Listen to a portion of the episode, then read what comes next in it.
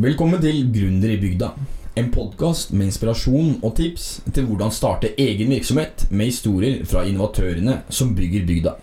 Presentert på Voss i samarbeid med Vekselbanken.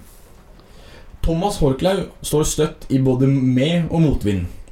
Først startet og bygget han Voss Vind med Innovasjon Norge og Stein Erik Hagen i ryggen.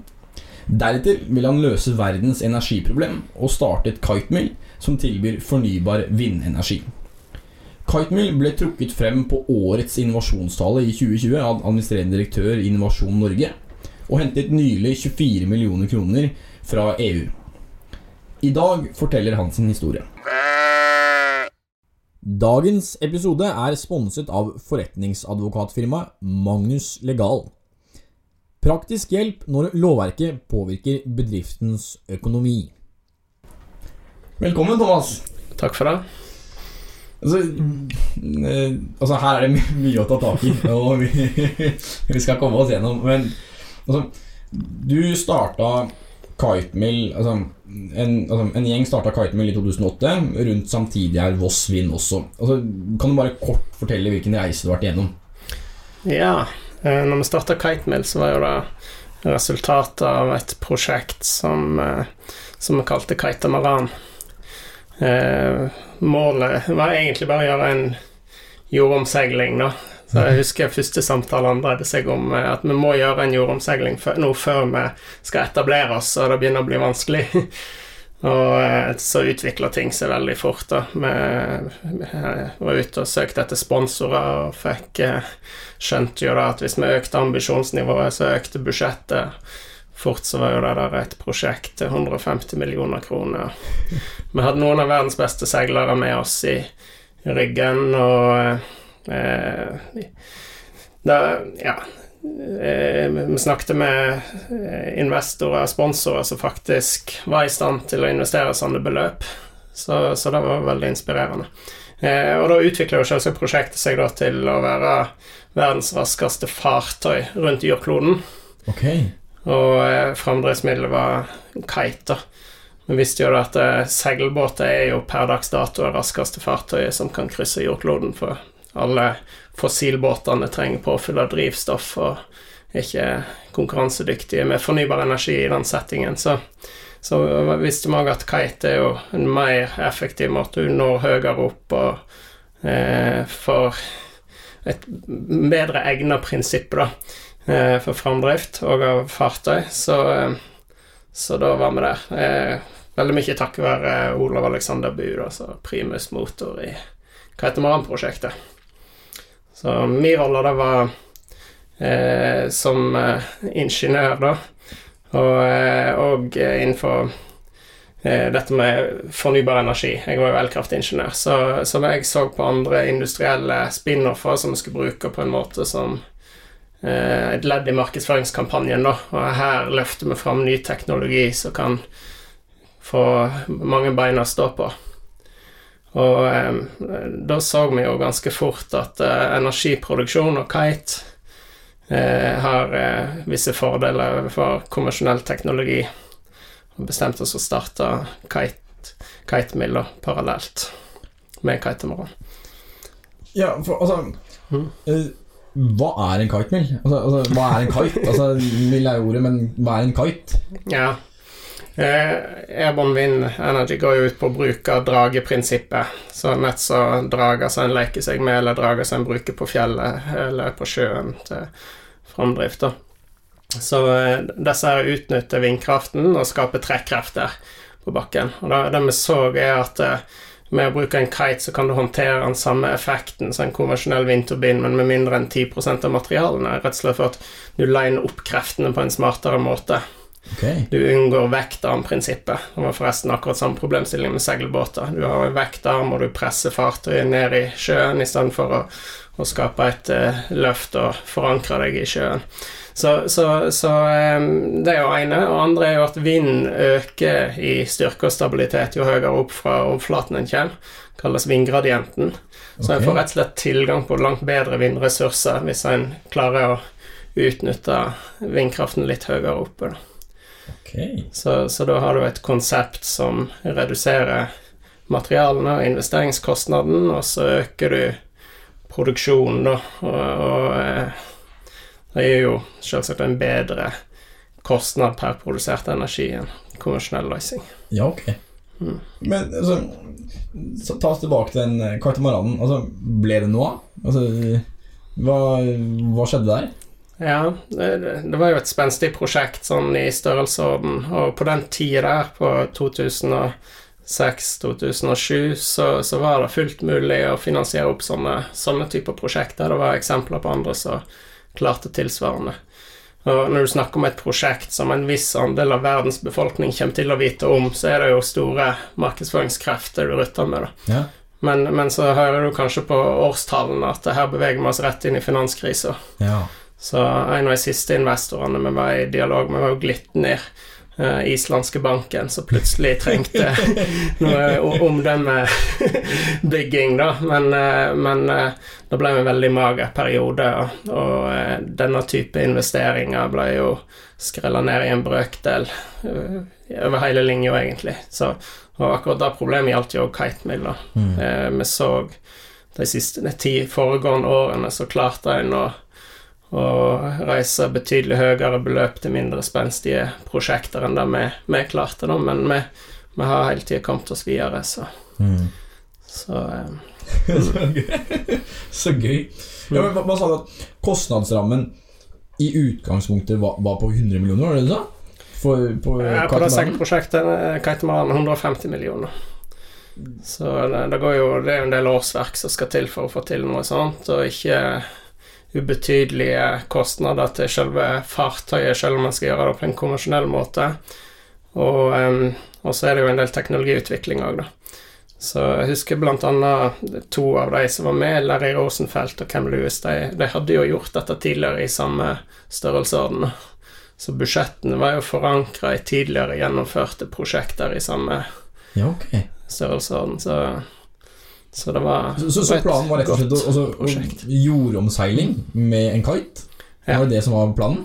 Ja, enkelt og greit. Så bygger du opp en markedsføringskampanje, da, så begynner en gjerne å skape blest med å sette en eller annen havkryssingsrekord, og så bygger en opp mot den store store eventen da, som skal være selve jordomseilingen. Mm.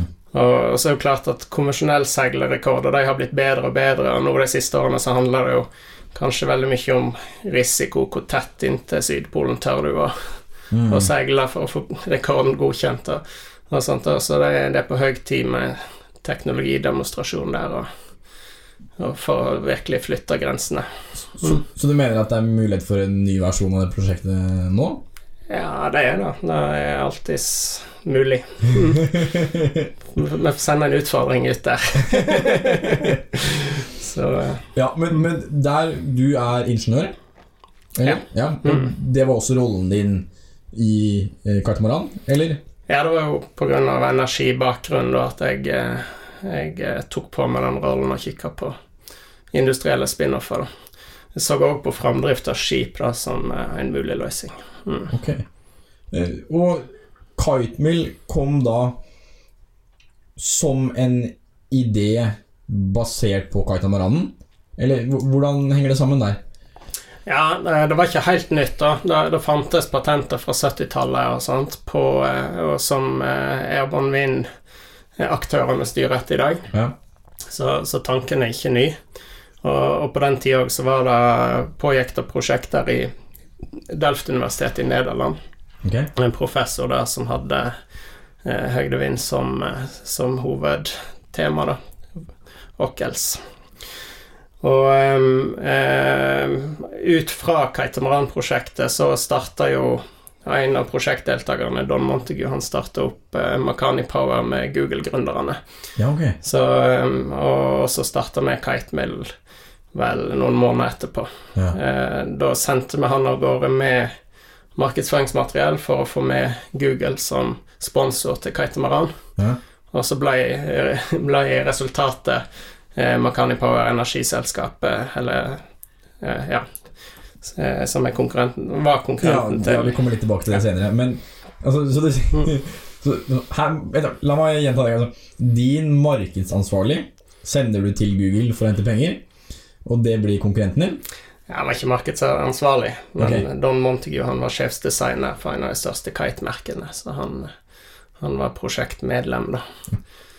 Så, eh, så det, det var veldig, bare positivt. Ja. Eh, selv om jeg helst skulle hatt dem som sponsor akkurat da. Men, men det var veldig kjekt, da. For, for vi visste jo at de Google-gründerne var kitesurfere, kom til å forstå Ja, okay. konseptet. Ja. Så, så Ja, vi kommer litt tilbake til det senere, men altså, med miljøet, for det er ganske tett eh, altså, Dere kjenner til hverandre. Eh, Ja, ja, ja. ja. eh, ja. Og, og du har, holdt jeg på å si Du har fått støtte på veien. Eh, altså, vi skal litt tilbake til Voss vi nå, men du har fått midler fra Voss Sparebank og crowdfunding eh, til Kitemill. Eh, Og senere også EU-kapital. Eh, kan du fortelle litt kort om den crowdfunding-kampanjen? Altså, hva var det for noe? Ja, crowdfunding er jo noe som har kommet opp de siste årene, så vi har fulgt med på det. Først og fremst er jo crowdfunding brukt til å finansiere ut nye produkter der en selger produkter som ikke er ferdig utvikla ennå. Sånn en tar på en måte med seg kundene på å utvikle ferdig, ferdig produkter. Da. da får en samtidig testa det ut i markedet om det faktisk er eh, etterspørsel, behov for det produktet. Men, men så har dette fungert bra i mange sammenhenger. Eh, og så har en da sett på muligheten for å bruke dette her til å finansiere opp litt større produkter der det kanskje ikke egner seg å gi et produkt tilbake, men, men der en heller gir, gir aksjer i selskapet, da. Eh, så, så var den typen crowdfunding vi valgte å gå inn på, for vi hadde jo allerede utvikla for noen titalls millioner, og, og det var fortsatt noen år fram til produktlansering, så, så, så det passer best. Så, så har vi òg konkurrenter, eh, spesielt en i Nederland, som har lykkes med flere sånne runder, så de har henta inn betydelige beløp eh, med den metoden. Så det var jo en god grunn for å tre inn i den type finansieringsordninger, da. Eh, det sagt så, så la vi ned betydelig innsats og bygde opp en kampanje. Vi gjennomførte den med eh, veldig gode resultater. Det var sagt det var ny norgesrekord i, i crowdfunding. Eh, som henta vel en seks millioner kroner i den finansieringsrunden. Eh, men det er jo klart veldig mye av de pengene kom gjennom hardt arbeid og direkte relasjoner med investor lead som vi allerede hadde etablert, eller som etablerte som en del av kampanjen, da. Så, eh, så men, men jeg tror eh, Jeg tror at hvis vi hadde fortsatt sånn som konkurrenten vår og blitt gode og på en måte finpussa litt på de egenskapene Dette var jo første forsøk, og vi gjorde det relativt bra.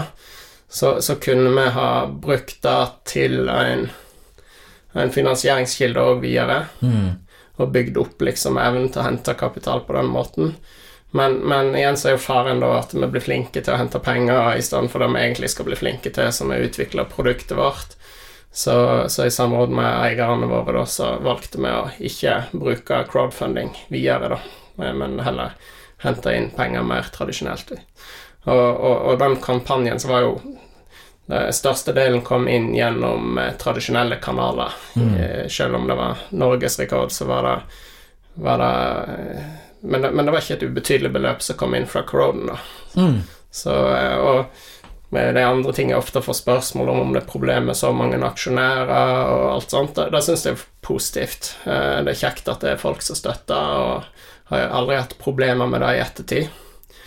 Eh, Så, så det jeg ofte sier, at hvis det eh, Som regel så er det jo behov for å markedsføre et produkt og et selskap, så, så, så den delen av crowdfunding er, er positiv og er en god grunn til å gå i den retningen. Så er vi kanskje ikke så flinke til å investere i, i, på denne måten i Norge som man er i andre land der typisk pensjonssparing og alt sånt foregår mer aktivt på det private planet, da. Så, så det er kanskje ikke like enkelt i Norge å få det til, selv om en får det til i andre land. Men eh, jeg støtter absolutt de som fortsetter med det. Jeg har sett ganske imponerende kampanjer gjennomført i ettertid også. Ja, for, for altså Dette er i 2016, crowdfundingen. Ja. Eh, Mm. Men dere starta opp i 2008, cirka. Ja. Eh, og da holdt jeg på å si da får du med deg Jon Gjerde. Absolutt. Eh, Mm. for, fortell, fortell litt om han. Ja, Jon Gjerde, han, eh, han er jo eh, investor på Voss, eh, men han er òg veldig aktiv utøver da, innenfor hanggliding og luftsport generelt. Ekstremt flink på, på eh, paragliding og, og gjøre gjøre kitesurfing. Så, så vi visste at hvis det er noen som har evne til å forstå det vi driver med, nett som er Google-gründerne, så er det jo Jon, da. Og, og det var jo rett, han, han tok det med en gang. Så, så det, det, det er ofte sånn med investor at du må finne eh, Du må klare å finne den grunnen til at de skal involvere seg. Hva er det som gjør at jeg som investor er unik og har evne til å få til dette her? Og, og, og der er, var Jon i en veldig god situasjon. Eh, så han eh, Han har jo fulgt selskapet trutt deretter, da, eh, og har vært helt avgjørende for, for utviklingen til, til Kitemill videre. Mm. Og, og per, per, per i dag så er han òg veldig aktiv. Vi deler kontor i lag, vi jobber med Kitemill i lag. Eh, og eh, han, han engasjerer seg jo òg på bransjenivå, da, eh, der han er styreleder i, i Airborne Wind Europe og, og forstår viktigheten av å på en måte bygge opp eh, Airborne Wind eh, i eh, utover Kitemill sine Mm. grenser og Og aktiviteter. hva, fikk dere med dere Innovasjon Norge fra starten av? Ja. Ja. Så jeg hadde litt erfaring med Innovasjon Norge fra før. Så eh, de var veldig trutt med, og helt avgjørende igjen, da, for at vi klarte å komme videre. Eh, det, var- det var en del finansieringsrunder som ikke Der ingenting var selvsagt, og sånn er det fortsatt, selvsagt. Men eh, Innovasjon Norge har utløst veldig mye av eh, de tingene vi har fått til. Mm. Så, så jeg kan jo si etter, etter først å ha vært igjennom etableringsordninger og bedriftsutviklingsstipend og den slags, så har vi også fått penger via miljøteknologiordningen. Og er av denne type selskap sannsynligvis et av de selskapene som har klart å eller som har fått mest penger ut av Innovasjon Norge, da. Eh, noe vi er veldig ydmyk for, selvsagt. Det er utrolig bra. Eh, så ehm, Og ehm, eh, det, ja, det har absolutt bygd ei bru videre, sånn at vi kan, eh, kan komme videre og hente penger på enda høyere nivå. Så. ja. Fordi altså i- hvor, hvor mye har dere cirka fått av dem? Ja, burde kanskje hatt klart for meg nå, men, eh, men at det er borti 15 millioner kroner, vil jeg, vil jeg anslå. Mm. Og, og Innovasjon Norge er jo også kjent for å være en aktør som stiller krav. Ja. Eh, og har ganske sånn tett oppfølging. Så, Mm. Hvordan, og det er trangt nåløye, hvordan har den prosessen vært for dere? Ja, eh, de, stiller absolutt krav, eh, og de bidrar òg med kompetansebygging. Eh, utrolig masse flotte kurs og, og ting en har fått gått igjennom, så en har virkelig fått inn på alle måter. da. I forhold til krav så kan jeg jo f.eks. si at Norge hadde jo allerede tatt, brukt mye penger på en del ganske spenstige fornybarprosjekter før Kitemill. Ehm, og, og en av de tingene Innovasjon stilte krav om, var jo at vi måtte forklare ganske tidlig Måtte vi finne ut og forklare hvorfor Kitemill kom til å lykkes når ikke, ikke de hadde lykkes. Det gjorde at vi, vi gjorde noen studier og la noen forutsetninger i vår plan som kanskje gjør at Kitemill eksisterer i dag, og ikke Makani Power, f.eks., eksempel som ikke, ikke var gjennom de prosessene, ikke fikk stilt de samme kravene. Så, så, så ved at de stiller de kravene tidlig, så langsikt, sikter dere langsiktig Ja. Ja, så, så kan jeg si helt konkret så gikk det jo på at alle tror at hvis du skal konkurrere mot en moden teknologi, så må ditt produkt være i samme størrelsesorden, skala og omfang som det nye produktet. Eh, og, og dessverre så fantes det ikke bare norske, men internasjonalt fantes det hundrevis av eksempler på selskap som prøvde på akkurat det.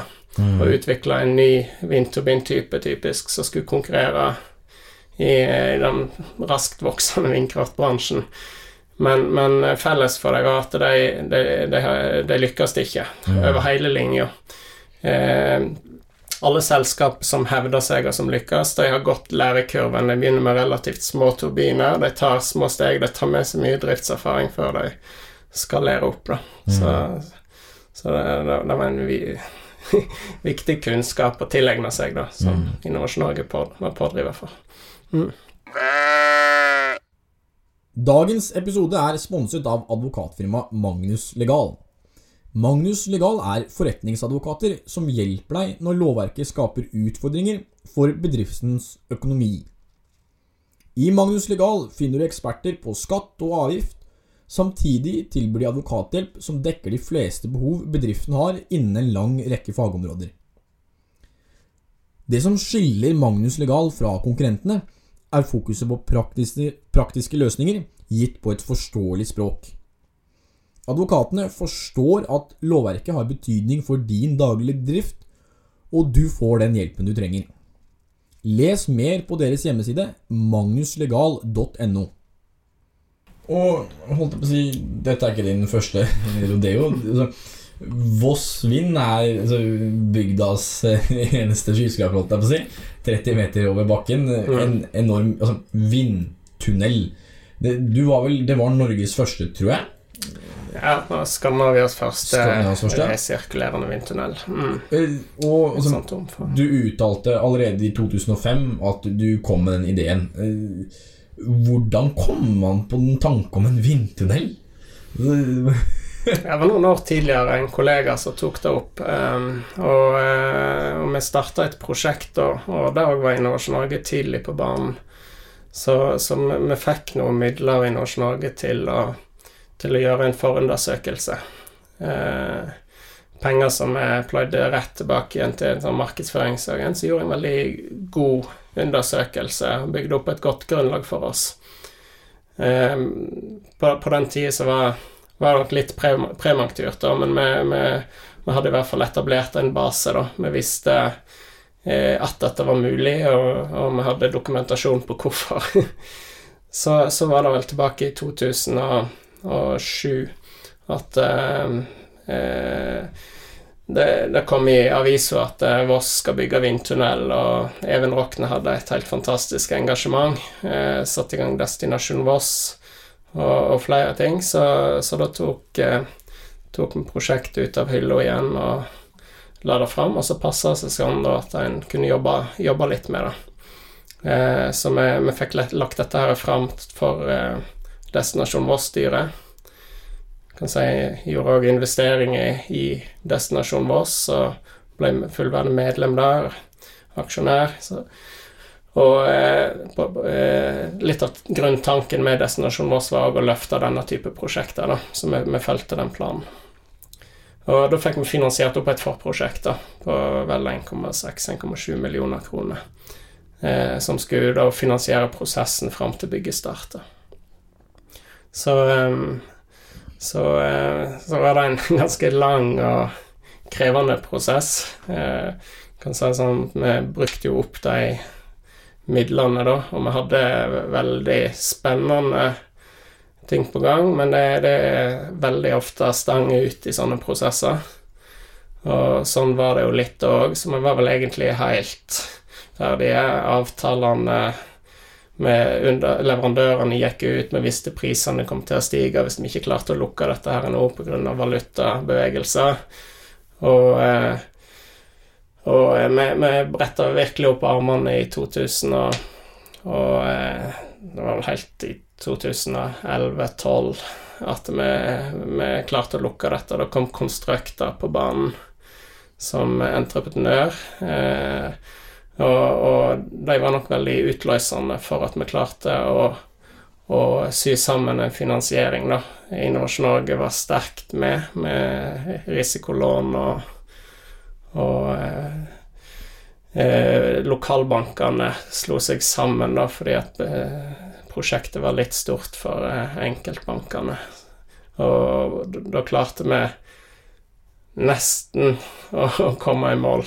Så var det litt opp til de i Oslo og Karnika da, som klarte å lukke, lukke den, eh, den prosessen helt, helt på tampen der. Så, så jeg tror det var eh, romjulet 2011 Nei, romjulet 2010, unnskyld, det vet jeg, for jeg fikk eh, datter da i 22. desember.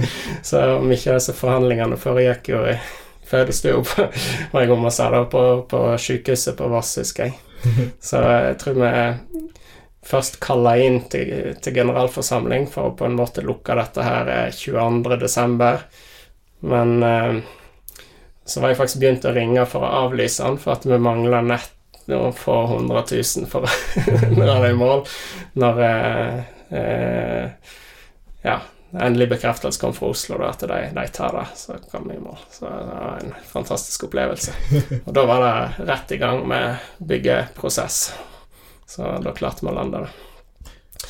Ja, så, så du sier at du får med deg Kanika, og bak Mm. Kanika så står Stein Erik Hagen som en av Norges rikeste. Hvordan overbeviser man han om å bygge vindtunnel i bygda? Ja, det, det, det er jo ikke enkelt, for, for denne type investering for en sånn investor er jo veldig liten. Eh, og er det, det er på en måte litt vanskelig å styre en stor formue hvis en skal gjøre så, så små enkeltinvesteringer. da. Eh, men her også så var det et brennende engasjement for oss gjennom? Peter Rutsika Ja, og, og relasjonen til, Og, til Even Rokne. Og, ja, det er, Og så er det jo ikke noe hemmelighet at Camilla, datteren hvorfor til Stein Erik, er er så. Så, igjen så treffer du den der Ja, hvorfor hadde jeg Historien da videre er at dere til å gjøre denne er investeringen. 2010, romjulen At det var 2010, klart at hvis og ikke de gjorde så er 2012 ikke så bygger de denne vindtunnelen til hva er det, 50 Så, så jeg millioner eller noe sånt. eh, mm, Ja. eh, Hvordan er den byggeprosessen? eh, Ja, det, det, det er jo en travel prosess, og da går fase, prosjektet inn i en fase som, eh, som er helt forskjellig fra der vi var da. Mm. Eh, Det er ganske mye penger, utstyr og prosesser skal, som skal flyttes, så, så i den prosessen så er jo um, um, konstrukter veldig viktig, men det er jo en aktør òg, så, så styret i Vossvin var jo eh, utrolig viktig i den saken der, og jeg eh, jeg skulle egentlig eh, gå ut av prosjektet på det tidspunktet der. Eh, fokusere på Kite Mill. Men eh, det, var jo behov for koordinering og alt sånt, så jeg, eh, jeg ble bedt om å være med videre. Og så hjalp styret òg med, med å styrke min gjennomføringsevne med å engasjere Henning Heggbom, husker jeg. Det var helt avgjørende for å kunne klare å håndtere alle avtaler, alle oppfølginger og, sånt. Men eh, det var en intens, spennende pro prosess som varte i et år. Ja, for, for, for hva var din rolle? Altså, sånn offisielt? Jeg var dagleder. Du var Jeg, jeg var dagleder fram til han åpna, eller eh, noen måneder før han åpna, så engasjerte vi Hans Christian Amli til eh, Ja. ny dagleder. da, så det var For Det. Men altså, altså Disse Heggbom-brødrene altså, på rekke og rad har jo vært gjennom mye. Men Henning Heggbom, er, er ikke han politimann? Ja. Hvor, hvor, hvor- hvordan leder en politimann en vindtunnel? Ja, Henning har òg eh, lang fartstid i mange ulike verv. Da. Han har jo vært eh, styreleder i Ekstremsport VK i mange år, og, og eh, han, han kan organisering og, og eh, er jo nett så brødrene en ressurs av dimensjoner. Så, så det det er veldig mange som skulle ha vært nevnt i den sammenhengen, men Mm. Henning eh, var veldig god å ha med seg. Det var viktig for meg. Mm. Og du selger deg ut? Eller, altså, hvordan, hvordan var aksjefordelingen her? Eide du noe? Ja da. Jeg, eh, jeg eh, gikk jo inn i den første runden og beholdt en del av aksjene siden jeg starta selskapet. Kan si Litt kompensasjon for det forarbeidet som er gjort. Um, og, og så går jeg òg inn med penger i lag med de andre, da. Eh, jeg har alltid vært sånn at når jeg har noe midler ledig, så plasserer jeg det inn i prosjektene. Så, Mm. Så, så det, det har jeg gjort. Og så er det ikke helt rett at jeg solgte meg ut igjen. Jeg har solgt ut igjen en del av aksjeposten min, da. eh, for å kunne følge opp eh, andre viktige finansieringsrunder. da Mm. fri opp litt kapital. Men, eh, men eh, jeg, jeg er ikke noe storaksjonær i, uh, i Vossvin.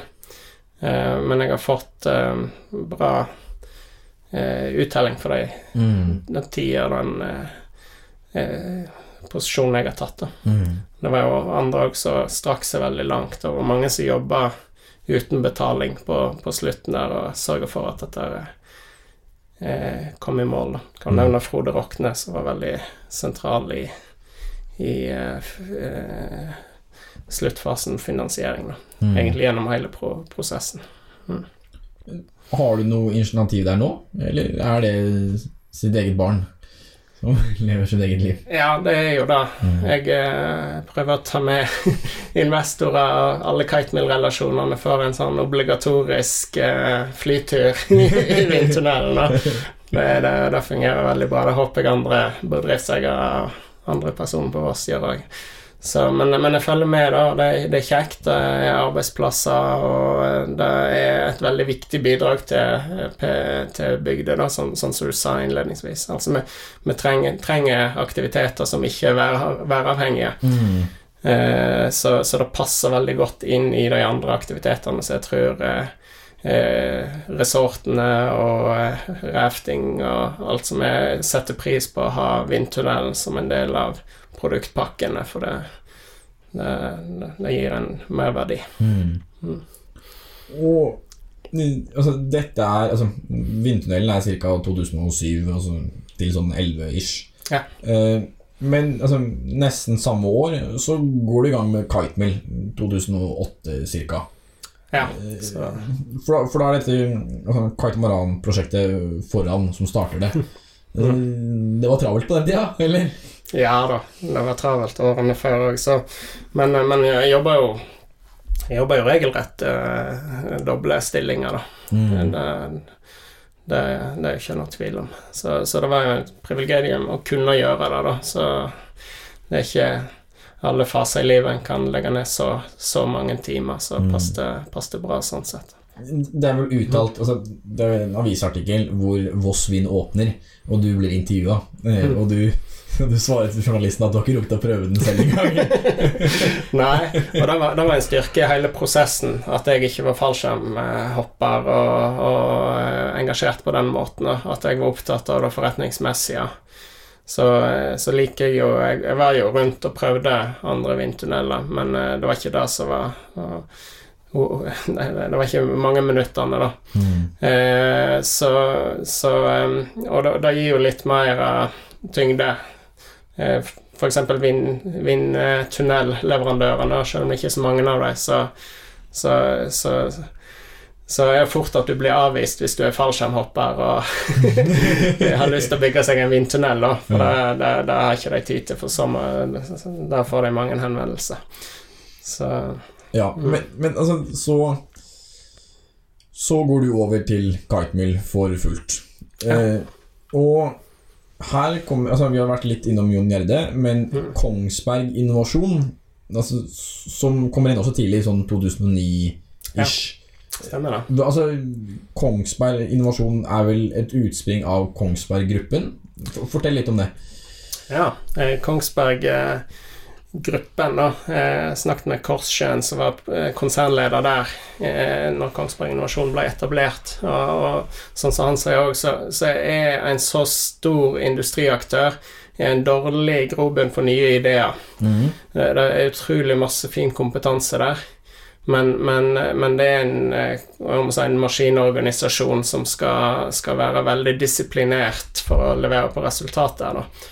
Så, så, så det, det er ikke noe historikk for å ta fram nye, eh, nye ideer og konsept. Eh, derfor så eh, bestemte jeg å etablere Kongsberg Innovasjon, og så lagde jeg en modell der eh, eierne, som ikke bare er Kongsberg Gruppen, men Dresserand og Equinor og eh, Semcon Devotech eh, Siva òg men, men eh, av de store industriaktørene så, så forplikter de seg hvert år å investere kompetent arbeidskraft inn i prosjektene til Kongsberg Innovasjon. Og det er ingen, det er ingen økonomisk insentiv for å ikke gjøre det, for hvis de ikke gjør det, så får de en faktura på slutten av året der de heller må betale. Okay. så, så, så, så det er en ganske fin ordning, da. Eh, så, så, for vår sin del så ble, ble det helt uh, en kjempemulighet. Uh, Kitemill er, så vidt jeg vet, fortsatt den største enkeltsatsingen til Kongsberg Innovasjon okay. så langt. Uh, for, for, for, her fikk vi full klaff med kompetanse fra det som nå heter Semcon Devotech, og ikke minst KDA, Kongsberg Defence and Airspace, under Kongsberg-gruppen.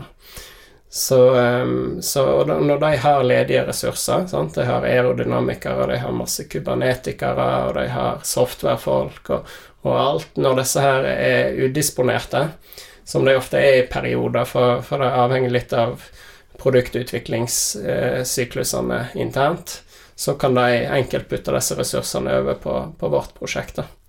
Så, så, så vi hadde f.eks. en aerodynamiker fulltidsstilling i et år Eh, det var kjempe. Eh, på den tida så var Kitemill tre ansatte, mm. og vi hadde soleklart mesteparten av all FoU-aktivitet var utenfor. Det var ikke gjort av, av Kitemill sjøl. Um, ehm, så vi bygde opp veldig mye kompetanse. Vi utvikla arkitekturen på kontrollsystemet vårt. Vi tok fram vingedesign og, og eh, gjorde utrolig viktige ting der. Mens en av svakhetene våre da på ja, rundt 2015 eh, det var at vi hadde egentlig ikke kompetansen internt, vi hadde den eksternt, da, mm. som eide teknologien og resultatene og sånt, men den fantes ikke i Kitemill på en måte. da, Det begrensa hva en elkraftingeniør og, og vi, vi, vi, hadde mulighet til å absorbere. Så, så da starta det en prosess fra 2015 og fram til i dag da vi på en måte flyt, flytter den kompetansen inn i Kitemill. Det har vi lykkes veldig godt med. Vi har bl.a. tatt med oss folk fra disse selskapene. Ja, okay. ja, altså, du har ideen i 2008. Eh, hvordan Og det er vel 2015 dere får deres første kommersielle kunde. Eh, Lister næringspark, stemmer ikke det? Ja, ja. Eh, Sørenergi. Men det okay. var fasilitert av eh, Lister Nyskapning. Og, okay. altså, men Sørenergi, som er et eh, lokalt eh, energiselskapet på, på Sørlandet. Ja, okay. Mm. Og, og altså, hvordan går du fra altså, ideen i 2008 til altså, et fungerende produkt i 2015? Ja, nå er det litt overdrevet at det er fungerende produkt. Skal være helt ærlig på det. Eh, Airborne er, er, er krevende å utvikle. Det er det er som eh, En skal utvikle et kommersielt luftfartøy som skal mm. fly 24-7. Og det er ikke så veldig mange av dem i dag i verden. Eh, så, så kan si sånn å utvikle et cruisemissil er jo kanskje litt enklere, for det skal ikke operere mm. i 24-7. Så, så, Men, men Sørenergi de har vært med oss hele tida, eid av Helge Micaelsen og Eh, to andre på, på lista. Eh, de, de, har vært veldig tydelige på at de har ikke kompetanse til å investere i teknologiutvikling, men eh, når vi kommer over i en driftsfase, så er det noe de både har lang erfaring med, de, de er veldig flinke, og de har eh, ambisjoner om å, å, gjerne lære seg nye driftsrelaterte eh, områder. Så, så, så, derfor så signerte vi avtale i 2015 og, og, de kjøpte første utstyret av oss, som er, så de er eieren av pilotanlegget vårt. De kjøpte i 2017. Eh, og, og, de er nå kunde av den første demonstrasjonsparken som vi skal bygge i år. Da. Ja, okay. Den skal stå og gå kontinuerlig. Ja, for altså, for altså, Hovedkvarteret er her på oss, men dere bruker Lista flyplass som sånn testsite, stemmer ikke det? Mm. Hvorfor, eh, hvorfor Lista? Ja, da, eh, vi, vi, trenger vi, vi, skal ha ingeniører på plass, og vi skal, må jobbe en del fysisk på siten for å få dette til å fungere. Så veldig tidlig skjønte vi at testing er viktig. Vi, vi begynte med Igjen da tilbake til Olav Aleksander, som starta eh, Kitamaran, og som var eh, aktiv i Kitemill i mange i de første årene. Eh, vi, vi, må alltid finne den beste kompetansen i verden når vi har et nytt problem. når vi valgte Kongsberg Innovasjon, så var det faktisk etter en prosess der vi vurderte store industrielle aktører som hadde evne til å gjøre dette her. internasjonalt, Kinetic og Aeron Vironment, husker jeg, USA. Eh, men, men eh, før der så visste vi òg at det han som har best track på kite-utvikling i verden. Det er, Don, nei, det er Bruno Legiono, i, um, som er en franskmann som bor i Karibia Okay. Som engasjerte han og tegna eh, avtale på hans sine IP-patentrettigheter og sånt eh, allerede første året. Ja. Eh, konsekvensen av det var jo at vi hadde et team som var egentlig ganske spredt globalt. Så, så vi gjorde første testingen vår ja, første testing gjorde på Ørland. Det var bra vind, men litt kaldt. og siden teamsammensetningen var litt sånn godt, jevnt fordelt, da, så gjorde vi neste testkampanjene i Karibien, Dominikanske republikk, for da bodde Bruno. Eh, før vi fant ut at eh, Fuerteventura i Spania var egentlig sånn på papiret den aller beste plassen i verden vi ja. kunne drive med dette. Så når du har dyre ingeniører som skal jobbe, så er det viktig at de ikke må stå og vente på vind. Ja. Eh, men, men, men, det er jo klart eh, Det vi fort erfarte i Spania, eh, var jo at eh, vindforholdene på Fuerteventura de er termisk drevet, som gjør at du får en veldig urein, pumpende luft som er veldig krevende å håndtere. Grunnen til at de fleste vindturbinene når vi var der, sto med ødelagt gearbox. så det var jo òg en utfordring for oss, da. Og, og eh, når vi utvikla oss litt videre, så så vi på andre muligheter. Vi reiste langs hele kysten i Norge for å finne best egna plassen, og, og landa på Lista, da, eh, som den plassen i Norge med best gjennomsnitt vindforhold, og ikke minst best, mest stabilt klima, da, som gjør at vi ikke mister så veldig veldig mange dager i året på, på testing. Ok, Så, så, så Sørlandet og, og, Lista kan skilte med best vind i landet? Ja, det vil jeg eh, påstå. Det, det, er kanskje plasser med bedre vind, men, men, da er det kanskje andre klimatiske utfordringer da, som på fjelloverganger og lenger nord. Så, så, så, Lista var en veldig godt alternativ. Så er det jo et kjempestort område eh, der. Eh, det er Norges lengste flyplass, er det ikke det? Eh, Norges nest lengste flystripe etter ja. de forlenga Gardermoen for et par år siden. Okay. Så, så en tre kilometer lang flystripe. Så der, der er det god plass. Og så er det veldig flotte aktører som driver næringslivet der, som har vært òg uh, veldig eh, engasjerte i Kitemill, som, som, jeg nevnte, Sør Energi. Ja, for, for, for, det er en privat eid flyplass. Ja. Eh, mm. Han, han, styrelederen er vel med i Lister Nyskapning òg? Er det ikke noe connection der på noe vis? Jo, det, det er nok Arne Michaelsen og Venturos er noen vi har hatt veldig god dialog med. De har jo lang erfaring med investering i oppstartsselskaper. og og sånt. Så, så, og så vil jeg nevne Einar Øgrei, Farsund.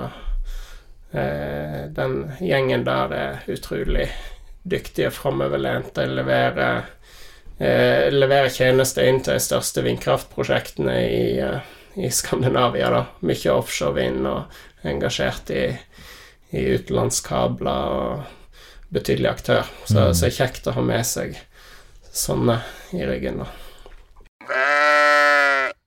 Og holdt på å si altså, Du så, så har jeg vært litt tidlig ute med å si at uh, det var fungerende i 2015.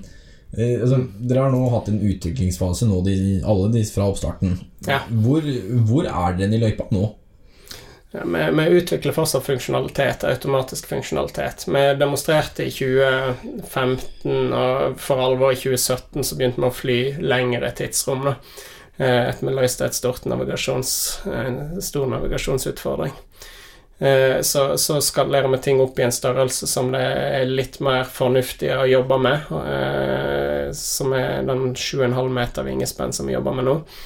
Og, eh, og den, er, den er nos Ja, vi har utrolig framdrift på å automatisere de funksjonalitetene, altså produksjon og start og landing og en del sånne faser som skal, skal foregå automatisk. Da. Ja, for altså, sånn, sånn det her fungerer, slik jeg har forstått det, altså, du har en altså, form for en drone Ja. hvor du flyr rett opp, Mm. og så går den etter det så går den rundt med vind og, og tråd til den. Eller? Ja, fly, eh, vi bruker propeller som gjør at den kan ta av når det er vindstille nede langs bakken. Den Ja. kan òg ta av når det er kraftig vind. Og, og flyr opp til kanskje en 200-300 meters høyde. Eh, der så stuper han inn, og så flyr han nett som tuppen av vindturbinbladene på tvers av vindretningen i, i sirkler, da. Ja. eh, og, mens han drar ut eh, lina, eller tauet, da, fra vinsjen på bakken. Og når vinsjen på bakken holder igjen dette her, så, så regenererer han og produserer energi som du kan sende tilbake på nettet. Ja. Så, så, så hemmeligheten her er jo at han, han sveiper et ganske stort areal per tid, da. Så med at han flyr på tvers av vindretningen. Og så drar han ut denne, og så endrer vi angrepsvinkel og trekker den tilbake. Og, og i den returfasen så er det ingen areal som stopper vinden. Da, da, da peker nesa rett mot vinden. Så, så faktisk så hjelper tyngdekraften den tilbake igjen, så vi bruker ikke noe effekt på å trekke den tilbake. Vi taper en rundt 10% av driftstida ja, okay. Så, så du har en virkningsgrad på 90 når det gjelder på hvor mye generatoren kan gå når det er nok vind. da.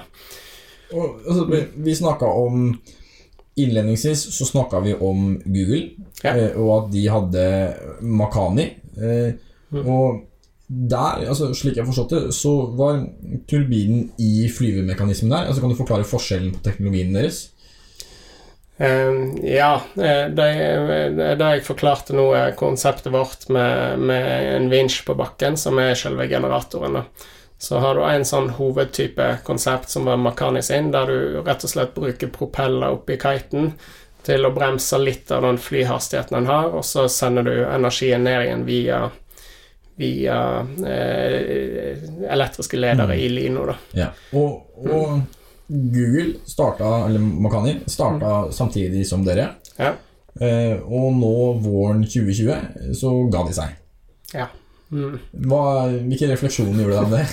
Nei, det, det er mange vinklinger på den saken der. Men, men sånn som jeg var inne på tidligere, så, så hadde de De hadde jo nok finansiering fra Google. Eh, så, så de hadde nok planer som de levde etter, og, og de tøyde vel kanskje heller litt på grensene for hva, hva, hva som måtte være på plass før de gikk videre opp. Og de, de planene gikk jo på at Google skulle endre verden, så de skulle skalere dette her opp fort med en gang. Da var jeg inne på hvorfor ikke det går. Og så skulle de òg gå offshore, så de utvikla noe som i praksis ville bli vanskelig å sette på land. Mm. Eh, og og der, der ser vi at eh, du kan ikke forvente at en, en ny energiteknologi på en måte kvalifiserer til finansiering som moden teknologi før han har kanskje en million driftstimer. Mm. Eh, så, så, så, så det som er viktig før en har en million driftstimer, er å, å ikke, ikke ha for høyt kostnadsnivå. Mm. Eh, men, men, mens hvis du skal gjøre noe offshore, så blir det fort tigangen. Og kanskje, jeg, tror jeg regner meg fram til en hundregang egentlig, i hva det ville koste å modne teknologien i det miljøet som de la opp til. Mm. Så, så dette snakket vi med Makani-teamet om på forhånd, da. Men jeg føler at det var kanskje ikke vilje til å til å ta dette her opp og endre kurs, da, så lenge de hadde finansiering som gikk i den retningen. Mm. Så det, det vi så på slutten, var at de, de, de, de jobba med problemstillinger som burde ha vært løst i langt mindre skala langt tidligere.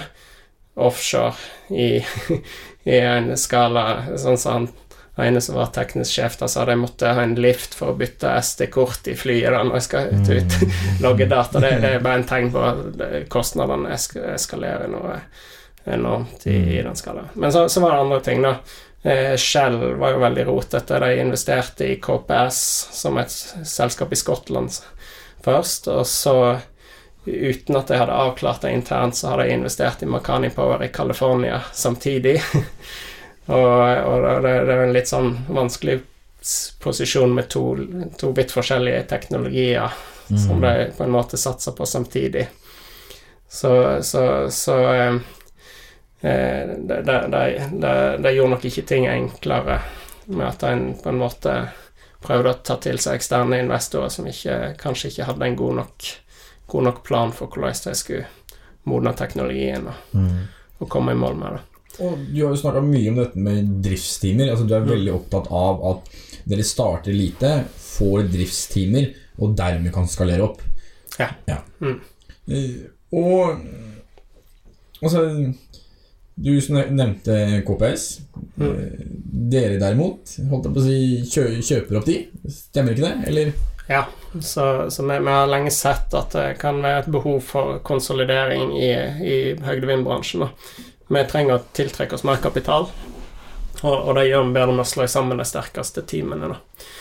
Så um, da gjør vi oss mer attraktive for, for finansiering. Så, så vi hadde vært i en prosess med KPS og andre selskap lenge.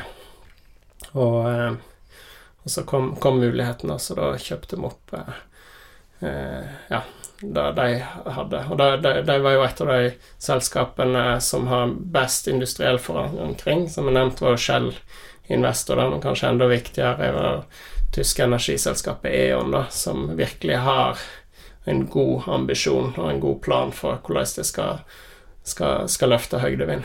Ja. Eh, Men, men fra en energiselskap sitt, sitt, sitt ståsted, da. Eh, Så, så KPS hadde gjort veldig mye riktig, men litt seint, da. Eh, Jeg husker jeg hadde, jeg hadde møte med dem før de lukka disse her store investorene, og, og anbefalte dem en retning å gå i, da. Teknologivalg, og forklarte hvorfor vi hadde gjort de, de valgene vi gjorde. Og det vi lærte etterpå, var at de, de tok til slutt de valgene, men da hadde de brukt opp mesteparten av den finansieringen Mm. som de hadde, da. Så det, da eh, sto de nok litt, litt svakere. Mm. Så, så Kitemill har aldri vært opptatt av å vinne noe konseptvalg eh, og, og få et unikt konsept, og sånn som mange teknologibedrifter kanskje ville ha gjort. Vi, vi tror heller at det er viktig at vårt konsept vil bli industristandarden. Og, det, det har vi de siste årene sett en ganske tydelig trend på, at de andre store selskapene gjør teknologivalg i vår retning da, og til, tilegner seg vårt konsept. Ja, ok. Mm. Og holdt på å si Snakker om å hente kapital. Altså, Innovasjon Norge, altså administrerende direktør Hauglie, Mm. trakk fram dere i årets eh, innovasjonstale. Mm. Og han nevnte at altså, en viktig del av Innovasjon Norge sin jobb er å finansiere her for at man også kan gå internasjonalt. Mm. Og dere har vært med på en EU-ordning. Eh, Det er vel to faser. Det er Mm. fase to nå, hvor dere har fått ca. 24 millioner kroner. Mm. Eh, Kan du fortelle litt om den prosessen der? Ja, vi, har skrevet EU-søknader i ganske mange år, og det er det er jo en pros prosentandel eh, på treffprosenter som ligger på en kanskje 2-5% eller noe sånt. Ikke, ikke for Kitemill sin del, men hvis du spør de eh, FoU-organisasjonene som lever av denne type søknadsskriving og, og finansiering, så, så, så er det der. Eh, så så vi, vi har Men vi, vi, vi har ikke skrevet så mange søknader som har betydelig bedre treffprosenter.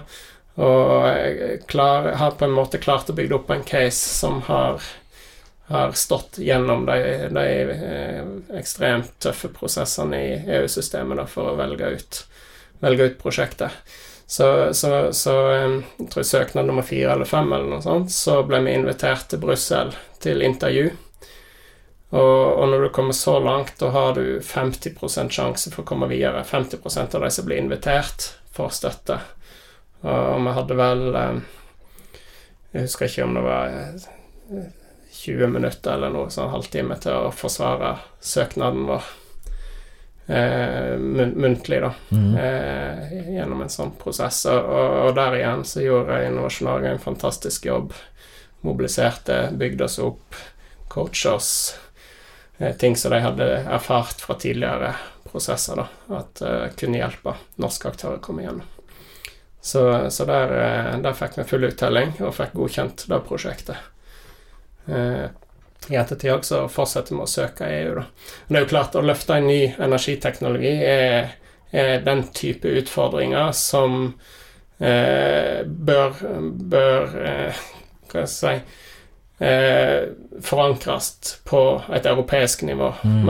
nasjonalt nivå. For eh, eh, multilaterale avtaler mellom EU-medlemslandene og EØS-medlemslandene forhindrer på en måte eh, nasjonale myndigheter å gjøre de grepene som må til for å sikre industrielt lederskap og, og sånt. Og vi har jo annet vært invitert til Kina og fått presentert oss der og fått presentert gode, gode ordninger for hvordan vi kan etablere selskapet der. Og, og det er ikke utenkelig at den neste store energiteknologien kommer fra, fra Kina. Mm. Eh, det, er, det, er, viktig at EU eh, e og, og Norge som nasjon òg eh, forstår hva som må til for å sikre seg en ny eksportindustri. Mm. Det, det, er en lang samtale som så jeg har ofte, så jeg passer kanskje ikke her, men, men, men det er jo en tilbakemelding òg tilbake til Innovasjon Norge og Enova eh, norske myndigheter at, eh, at en, hvis en skal bygge opp ny eksportindustri som ikke er basert på en naturressurs vi tilfeldigvis har, ja. som fisk og olje natur, så må en faktisk stikke hodet litt lenger fram enn de andre. Mm. Og tett med det så henger jo disse, altså disse investeringskostnadene man må gjøre. Uh, EU er inne med 24, Innovasjon Norge har vært inne med 15. Hvor mye finansiering har dere hatt i løpet av åra? Ja, jeg eh, vil tippe at vi er på en rundt 150 millioner kroner i, i eh, Kitemill. Mm. Så da sagt så koster det rundt 1 milliard å ta fram en ny vindturbinplattform i sånn moderat skala. Da jeg så nettopp at GE hadde brukt eh, vel 8 milliarder på å ta fram den siste offshore vindturbin-iterasjonen. Mm. Eh, så og eh, andre ting som en bør se på, er hvor mye koster det å ta fram et nytt kommersielt luftfartøy òg. Mm. Hvor, hvor mye mer tror du dere trenger? Nei, vi, vi trenger en eh, rundt 300-400 millioner for å, å, ha et uh, produkt som faktisk uh, fungerer kommersielt i relativt stor skala, eller i stort omfang i, i moderat liten skala. Mm. Så, men det, det, de aktørene som er i prosess med nå, de, de, forstår dette og er i stand til å gjøre sånn type investeringer. Mm.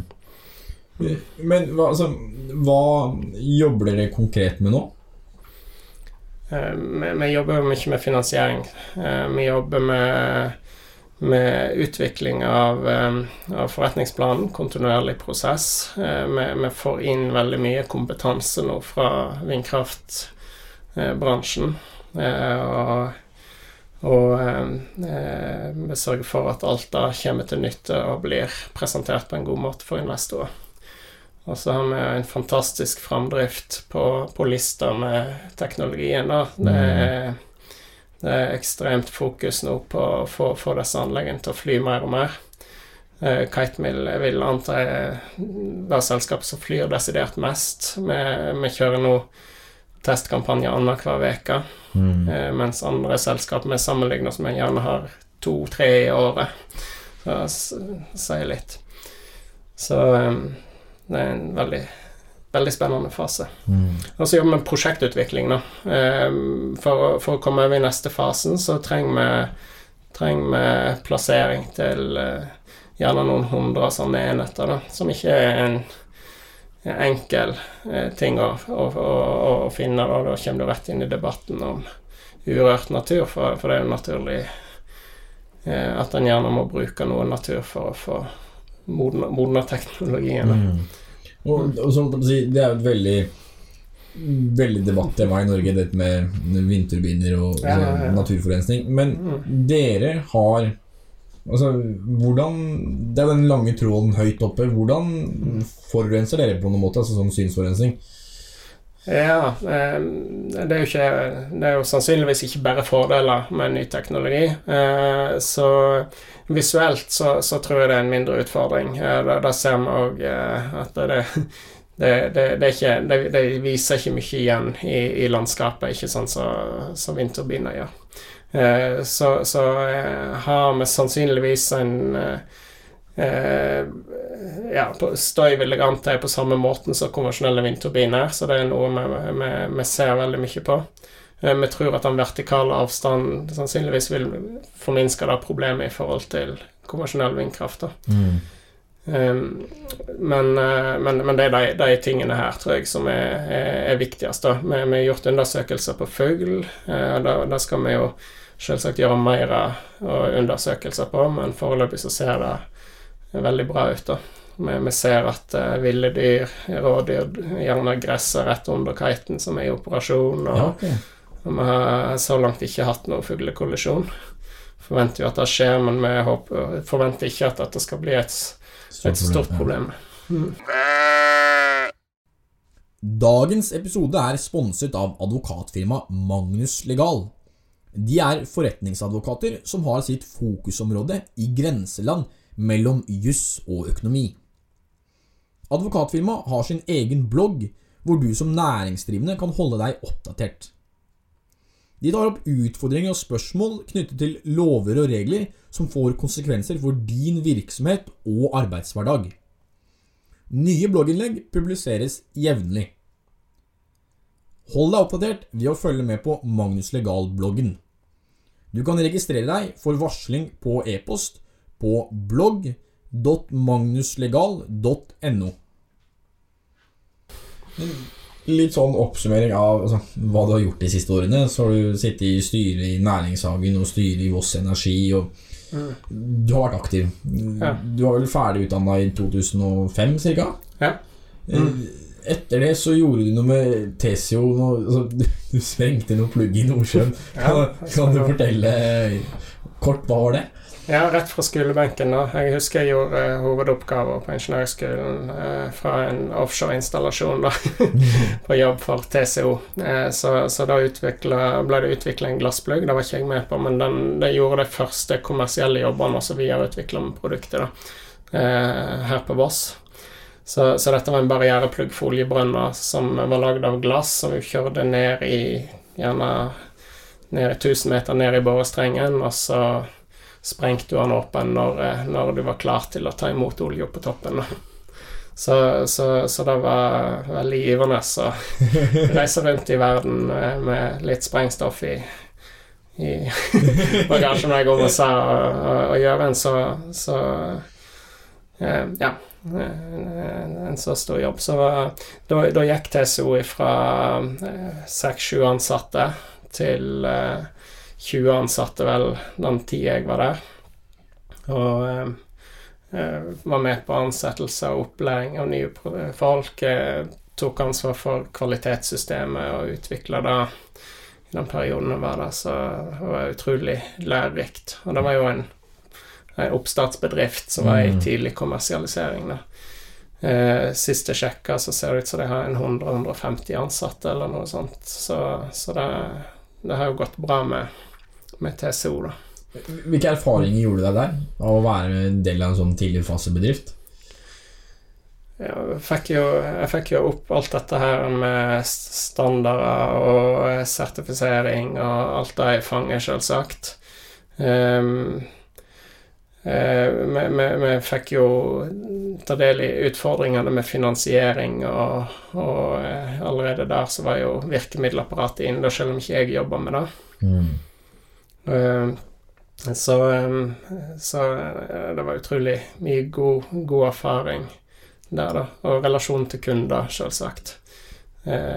Statoil, da, som Equinor nå, gjorde jo en veldig god jobb med å ta, hjelpe fram et nytt produkt i den, den settingen. Mm. Mm. Og, og altså, Kitemill er jo en veldig høyteknologisk arbeidsplass. Og vi var litt inne på det, men altså, du, du, er ute etter de beste i verden når du skal mm. gjøre det her. Hvordan, hvordan, finner du de beste i verden? Hva, hva kjennetegner de? Ja, det er, det, det, er, det er jo et godt spørsmål. Så, så, først er jo å identifisere hva er det egentlig en trenger. Eh, og så, så, er det jo rett og slett å ta opp Eh, telefonen og rett og slett ha kontakter. Så, så er vi òg i en heldig situasjon nå i Kitemill at vi får veldig mye kompetente søknader inn. da. Vi begynner mm. å vise litt bedre igjen. Så, så, så vi, vi, har eh, eh, mange flere søkere enn vi har stillinger, da, som gjør at vi kan, vi kan velge litt nå, eh, i motsetning til starten. da. Men fortsatt så går det òg på partnere. da. Men òg blant partnere og, og leverandører så, så, så begynner vi å få en viss tyngde da, som gjør at vi, vi blir plukka opp av de som har forutsetninger for å bidra i større grad enn i starten. Mm. Men eh, det, det konseptet med å finne de aller beste i verden, det, det står fortsatt og tror jeg er viktig for alle Mm. som skal etablere seg en- på, på et globalt nivå. Mm. Ofte, altså Med podkasten så eh, ønsker jeg å inspirere unge til å Ja. ta den risikoen med å starte. Eh, Mm. Hvilket karrieretips vil du gitt deg selv når du var 20 år gammel? 20 år gamle Thomas, hva, hva sier han? Ja, jeg, jeg, eh, jeg jeg tok jo det valget at jeg gikk først eh, på eh, fagutdannelse, da, så jeg tok eh, fagbrev som elektriker, yrkesskole og fagbrev, og så gikk jeg videre på ingeniørskolen, og jeg hadde staka ut den retningen ganske tidlig. Eh, så, men, men jeg, eh, jeg eh, i, i, I de rollene som jeg har hatt, så, så har jeg jo lært meg å verdsette alle de som tar forskjellige valg, da, for de ender opp med forskjellige typer egenskaper. Og det er ikke noen sånn at noen er bedre enn andre. Så, så, så jeg, jeg vil Men jeg vil absolutt anbefale flere eh, norske unger å ta, ta fagutdannelse og sikre en praktisk eh, kompetanse, gjerne i tillegg til, til en akademisk, et akademisk løp, da. Um, så, så Men, men, men jeg, jeg, jeg tror ikke hun trenger det ene eller det andre for å lykkes, da. Mm. Uh, Der ser jeg veldig gode eksempler på, på begge deler. Og så er det jo det rådet som alltid Som vi alltid har lytta til òg, det er jo å skaffe seg litt industriell erfaring og sånt. Mm. Eh, Det kan være lurt før en setter i gang ting på egen hånd. da. En skal være litt naiv og sånn når en setter i gang ting. En skal ikke, en skal ikke kunne alt og, og ha alle svarene, så, så det er helt rett. Men, men det er en fordel å, å, å få, få, få litt erfaring på veien. Mm. For, mm. Har, har du hatt noen sånn typiske inspiras inspirasjonskilder? Altså noen du ser opp til underveis? Ja. Jeg har vært veldig heldig og hatt på en måte god mentor hele veien. da. Eh, det, det vil jeg anbefale andre å skaffe seg, for det, det går an å, å jobbe aktivt for å få. Så, eh, så eh, alt ifra eh, god, god, god teknisk sjef i TSO og, og gode folk rundt oss der på kvalitet. Eh, Jan Brekke, er en kjemperessurs. Jeg har eh, I, i Kitemill-perioden så er jo Svein Olav Tore, selvsagt, som jeg møtte i 2009, som er styreformann der nå.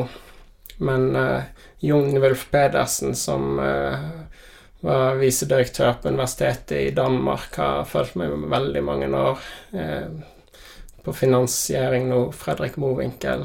Det, det var en mentor som var eh, som, han, kom inn via mentorprogrammet til Innovasjon Norge og Connect Norge. da. Ok. Så um, eh, en fantastisk ressurs å ha på sidelinja. Så, så, så mentorer uh, Det er viktig. Mm. Mm. Og Innovasjon Norge har da det mentorprogrammet du nevnte. Ja, det, det var i hvert fall en ordning nytta oss av via Det var Innovasjon Norge som finansierte den, men det var Connect Norge som uh, utøvde den. Connect Norge har òg vært eh, Har vi òg jobba aktivt med Ja, okay. i, uh, i mange år. Så.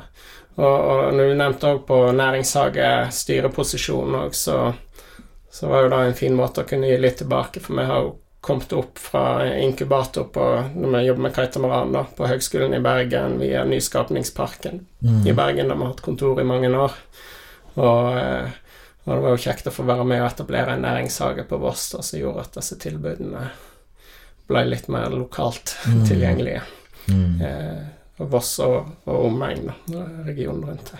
Ja, for det er jo Siva som støtter disse næringshagene Ja, prosjektene. næringshagen på Voss er ikke bare for vossinger, men det er for, eh, for regioner. Næringshagene er jo spesialiserte, så en kan jo òg dra nytte av andre næringshager. Vi, vi jeg, jeg drar jo òg nytte av Kongsberg Innovasjon, selvsagt, som investor, men det òg er en, noen næringshager. Ja, okay. Om det sier. Mm. Ja, ok.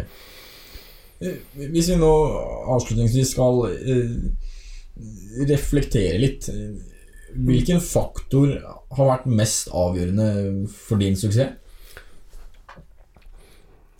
Ja, det er, jo, det er jo sånn En vil jo oppleve motgang og Og, em, og eh, situasjoner der en ikke har helt kontroll. Da. Jeg tror en av mine styrker er at jeg har ofte alt, alltid blikket festa langt fram. Så, så eh, det, det, det ser jeg nå i, i senere tid at har vært en kjempefordel, for da veit alle hva retning vi skal gå i, da. Eh, så, så jeg bytter ikke planer så veldig fort, så lenge det er bevist at eh, Så lenge jeg ikke har noen bevis for at dette ikke er mulig, så pusher jeg på i, i samme retningen, da. Så, så, så det, er, det er en fordel. Eh, eh, samtidig da, så er jeg avhengig av kanskje å ha andre som er, jeg har litt andre personligheter rundt meg for å få det til. Så en må ha et team som er sammensatt av forskjellige personligheter. Så, så i den sammenhengen så kan jeg si å være klar over sine styrker og svakheter da gjør at en kanskje i større grad kan få matcha den opp med, med kom, komplementær, komplementære egenskaper. Så, eh, og, og vi kommer alltid til å bekymre oss over ting, og ting er, er, er alltid vanskelig, men det jeg prøver å tenke, er at det er jo i motbakken en kommer oppover. Så, så det er faktisk de gangene det virkelig ser mørkt ut, og prøver jeg alltid å minne meg på at det, det er nå det er nå vi legger grunnlaget for at det skal, det skal løsne. Og når det løsner, da, da går jo alt på skinner. Da, er- da, er- det er ikke da det er vits i å gjøre noe. det er når alt sammen er svart, det er da en skal brette opp armene og virkelig få ting gjort. Ja, for, for da er jo gjerne oppfølgingsspørsmålet mitt altså, hvordan, altså, Hva har vært den største utfordringen i Karkmüll sin historie? Ja eh, Vi har I sånne selskap så er det likviditet og finansiering, da. Eh, og, eh, og det er det, det har vært krevende å på en måte hente finansiering. Jon er en utrolig god investor å ha med seg, og han er flink på den måten at han han, han heller gjør ingenting. eh, på en måte Han garanterer ikke for noe finansiering. Alt avhenger liksom av vi gjør det vi skal, og at vi klarer å hente tilleggsfinansiering. Så han, han har gjort ting veldig smart. Eh, så, så jeg må jo si at de, de periodene, spesielt de periodene når det har vært stang ut, da, og en kanskje i litt for stor grad har satsa alt på ett kort, men, men det er ofte det som er nødvendig for å kunne lukke en av de store rundene, da, sånn som Voss Vind, så, så må en på en måte bygge opp et momentum og fokusere alle ressursene rundt det, og det er ikke alltid det slår inn. Så em, em, så det, det har vært utfordring. Vi har òg tatt teknologivalg tilbake i historien, der vi rett og slett har lagt vekk noen av de kjernetingene vi satser på. Da. Det, det, det ser jeg sånn som en Makani, at, eh, at hvis en ikke evner å gjøre de retningsvalgene, så, så jobber en seg fort inn på et sidespor så en ikke kommer seg ut av. Det er også nevnt at du har jobba Jobba uten lønn deler av karrieren for å, få, for å la selskapet overleve. Mm. Hvordan har, altså, hvordan har dette personlig påvirka deg? Ja, jeg har vel, jeg hadde vel sannsynligvis hatt mer penger å leve for hvis jeg hadde gjort andre karrierevalg. men, men da syns jeg en skal tenke litt over at det er jo kanskje den erfaringen og det en tar med seg, er, det har en verdi, det òg. Så, så om en om en må om en får betalt for å jobbe, eller må betale for å jobbe, så lenge en liksom avanserer og kommer videre, så, så, så skal ikke en være for opptatt av det. Jeg har òg tatt banklån for å betale lønn til, til andre, da, selv om jeg er kanskje ikke største aksjonær engang. Så, så, så det er sånne her eh, rare valg som en gjerne gjør eh, underveis, da. Men eh, jeg på en annen side så, så, så eh, er det sånne ting som må til, kanskje, for at en skal dra ting Ja, for altså, du, du beskrives av altså, Jeg har hørt litt og ringt litt rundt til de rundt deg, og du beskrives veldig altså, som, som Når du får en retning, så går du for det, og veldig arbeidsom. Har du, har du noen gang vært redd for å bli utbrent? Nei, jeg har følt litt på det, men uh, igjen, en går og bekymrer seg for et eller annet hele tida, men uh, en må bare ikke la det ta helt overhånd, da. Så eh, jeg jeg, jeg har ikke vært i en sånn situasjon. Det, det er perioder der en rett og slett jobber så hardt at det begynner å merkes fysisk og sånt, så da, da må en ta signalene og så, og så gjøre noe med det, rett og slett. Det løser ikke seg sjøl. Men eh, jeg har aldri vært i, i en sånn, sånn situasjon at jeg har vært utbrent. Så Og ja, det det, det er mange Og så hjelper det å se litt på andre som, eh, som lykkes, og hvordan de, de jobber. Det handler jo også veldig mye om hva en tenker om situasjonen. Hvis en graver seg ned i tanker om at nå jobber jeg for mye, og nå, nå eh, flytter meg ut, så, så er det fort eh, fort det som blir resultatet òg. Så tankegang er viktig. Tankegang er viktig, Ja. og så er det viktig å holde seg i form og gjøre de tingene jeg har hatt perioder der det har vært neglisjert. Mm. lite. Så, så det er òg de, de som klarer eh, en balansegang der, eh, de eh, eh, ja, stiller mye, mye sterkere. Altså, Kitemill har hatt en sterk utvikling og store investeringskostnader de siste årene. Hvor, hvor er dere om fem-ti år? Hvordan ser fremtiden ut? Ja, eh, da er vi i ja, fem- fem-ti år, da er vi i tidlig kommersialisering fortsatt. Da, da begynner teknologien å, å få fotfeste. Han eh, blir tatt opp av eh, eh, myndigheter som, som den valgte strategien, og, og antall prosjekter som er i utvikling, er, begynner å bli veldig høyt. Og vi har flere prosjektansatte enn vi har, har ingeniører som følger opp anlegg. Da. Mens eh, hvis du ser enda litt lenger fram i tid, så, så vil vi kunne betjene en god del av vindkraftmarkedet. En, en uh, synlig prosentandel, og, og det, er, det er stort omfang. Da. Sannsynligvis er vi verdens største eh, flyprodusent og luftfartøy. Eh, og og ja, er en eh, forhåpentligvis er også en veldig god arbeidsgiver for norske arbeidsplasser. Mm. Hvis du ser tilbake på arbeidet du har lagt ned, både i Voss Vind og Kitemill, Mm. og de arbeids, ja, arbeidsdagene, hva, hva er du mest stolt av? Ja, jeg er veldig fornøyd med å ha klart å lande noe da, for eh, investorene våre. Eh, så vindtunnelen er jo, er jo bra. Eh, men jeg, tror i, i, i Kitemills eh, sammenheng så, så, så blir det kanskje ikke det samme klare skiftet, men, men jeg, jeg, jeg, jeg ser at vi avanserer. Vi kvalifiserer til nye typer investorer og ny type kapital. Og, og det ser òg eh, investorene våre. Så, så at vi klarer, å, vi klarer å avansere på en måte som er i henhold til planen, og sånn som det eh, skal skje, så vi, tar med oss dem.